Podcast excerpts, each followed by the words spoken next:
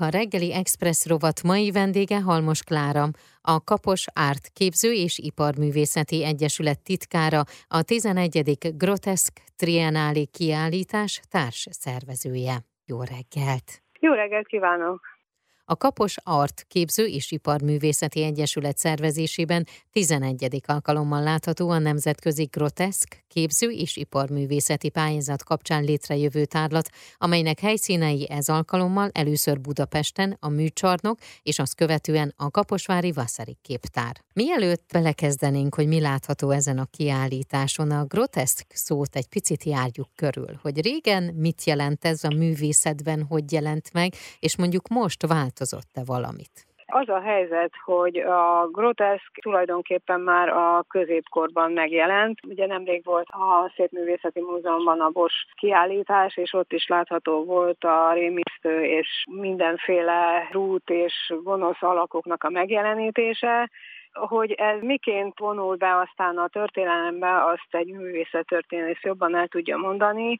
Én inkább azt mondanám, hogy itt a mai korunkban a társadalmi, a lelki fordulatoknak, az érzelmeknek a visszásságára tud inkább rámutatni, és jeleníti meg azt a világot, amit nem feltétlenül szép, de inkább igaznak gondolunk. Kapos Ártképző és Iparművészeti Egyesület szervezésében látható ez a kiállítás, amely egy pályázat kapcsán jött létre.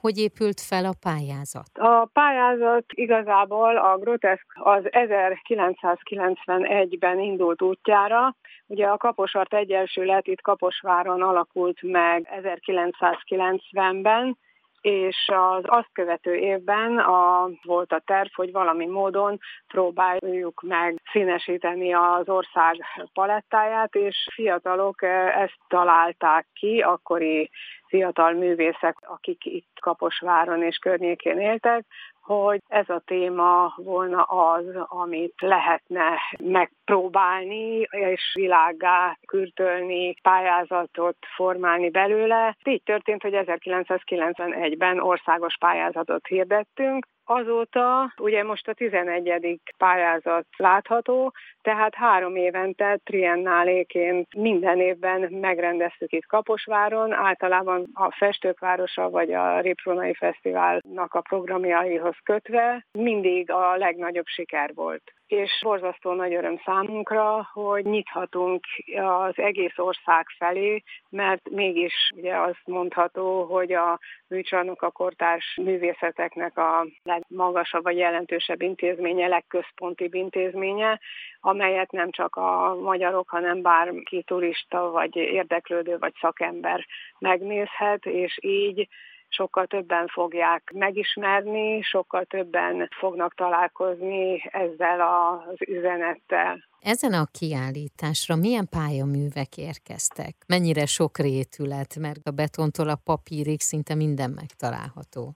Igen, ez a kiállítás az is jellegzetessége, hogy valamennyi műfaj megtalálható, tehát a grafikától az objektekig, az assemblázsig, kis plastikáig, az valamennyi anyag megjelenik különböző formákban. Egyre kell figyelni, a, amit ugye a szakmai zsűri bírál el a beadás kapcsán, hogy a minőség az megfelelő legyen, és a már eddig említett groteszk témának is megfeleljen. am. Összesen hány darab mű érkezett, vagy hány darab mű van kiállítva most ezen a kiállításon? Hát az idén volt a legtöbb, körülbelül 300 alkotó adta be a munkáit, ami hát többszörösét jelenti, tehát 500 fölötti alkotást kellett az öt tagú szakmai zsűrinek bírálni, és ebből körülbelül most műcsarnokban 110 van kiállítva, ezek között videóinstallációkat is értek, mert azt is lehetett beadni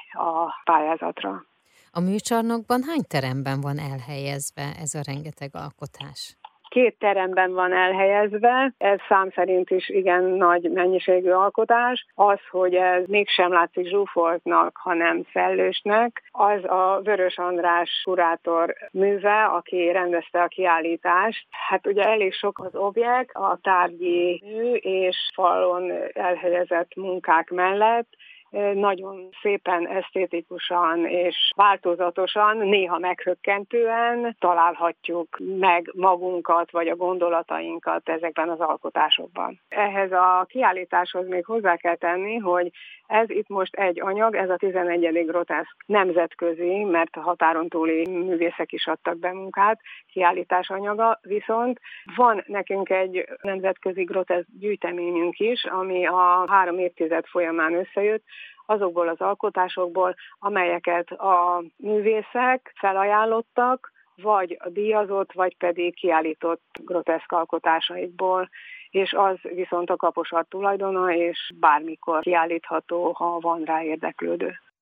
A műcsarnokban 2022. augusztus 11-én Dolák Sali Róbert szubjektív tárlatvezetése lesz a 11. Groteszk Triennálé kiállításon. Augusztus 28-a után pedig akkor leköltözik a kiállítás Kaposvára, vagy hazaköltözik, inkább így fogalmazok. Igen, a kiállítás Baszari képtárban lesz itt Kaposváron. Szeptember 16-án nyílik, és majd egy hónapig lesz látható. Úgy gondolom, hogy ez egy nagyon népszerű kiállítás. Vannak a, olyan művészeink, akik rendszeresen várják, hogy részt vehessenek rajta, és hát a pandémia miatt ugye egy évvel később tudtuk megrendezni.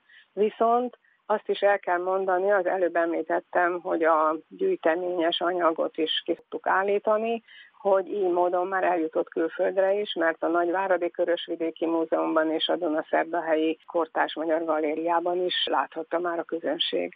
A reggeli express mai vendégem Halmos Klára volt, a Kapos Art Képző és Iparművészeti Egyesület titkára, a 11. Groteszk Triennálé kiállítás társ szervezője.